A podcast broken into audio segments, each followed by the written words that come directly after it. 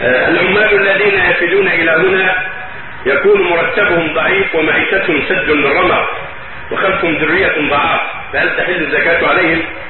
إذا عرفوا من العجز والحاجة وأن مرتباتهم لا تسد حاجتهم وكانوا مسلمين عرفوا بذلك لا بأس أن يعطوا من الزكاة لسد الحاجة إذا عرفوا بأنهم مسلمون وإذا عرفوا الصدق وأنهم محتاجون فقراء لأن كثيرا من الناس يدعي الفقر وهو كاذب وراتبه يكفيه فإذا عرف الحاجة والصدق بأن شهد له من يرضى بأنه فقير وأن هذا المرتب قليل ضعيف لا يسد حاجته فلا بأس أن يعطى.